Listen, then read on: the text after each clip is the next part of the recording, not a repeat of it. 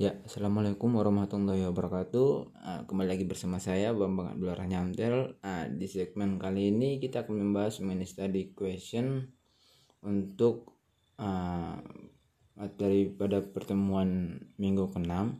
Nah, study question yang pertama yaitu uh, bagaimana uh, mendefinisikan secara singkat masing-masing dari tiga anggota terkait keamanan informasi. Uh, itu yang pertama ada kerahasiaan. Nah, pada dasarnya itu dia uh, ingin membatasi akses bagi mereka yang diizinkan untuk melihat informasi yang diberikan. Yang kedua ada integritas, jaminan bahwa informasi yang diakses belum diubah dan benar-benar mewakili apa yang dimaksudkan gitu. Nah, yang ketiga ada ketersediaan. Ketersediaan itu uh, informasi yang di mana dapat diakses dan dimodifikasi oleh siapa pun yang berwenang untuk melakukannya dalam kerangka waktu yang sesuai. Nah, yang kedua, uh, apa sih arti istilah autentikasi? Nah, autentikasi itu uh, proses di mana uh, eh, untuk memastikan bahwa seseorang adalah uh, yang dia klaim dalam arti proses mengenali identitas pengguna. Nah, sistem yang berbeda mungkin memerlukan jenis kredensial yang berbeda untuk memastikan identitas pengguna. Nah, kredensial itu sendiri itu sering kali berbentuk kata sandi yang merupakan rahasia dan hanya diketahui oleh individu dan sistem.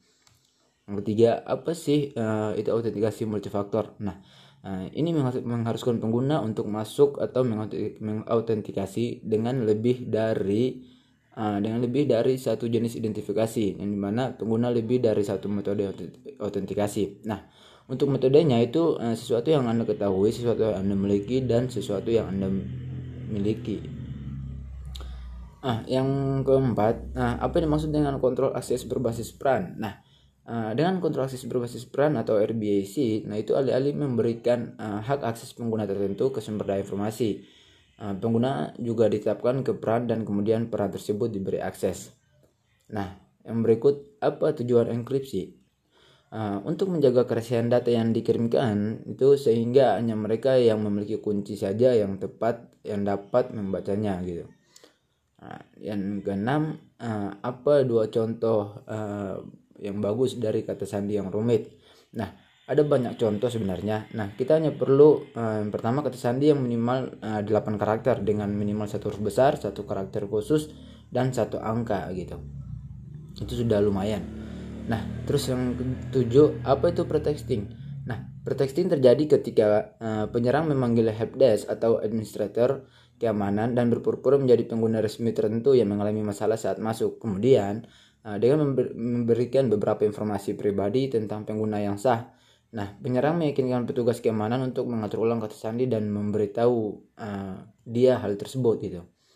Nah, yang kedelapan, uh, apa saja komponen dari rencana uh, pencadangan yang baik? Nah, mengetahui apa yang perlu dicadangkan itu mencadangkan semua data secara teratur, penyimpanan di luar lokasi dari semua data yang dicadangkan, dan juga uh, pengujian proses pemulihan.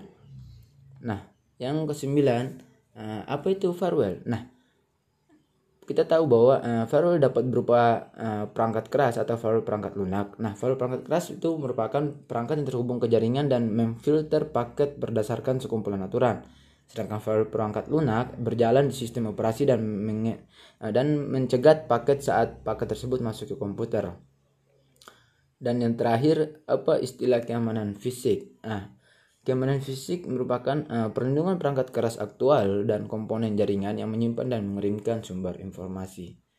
Ya, mungkin itu saja uh, study question yang kita lakukan pada segmen kali ini. Cukup sekian dari saya. Terima kasih. Wassalamualaikum warahmatullahi wabarakatuh.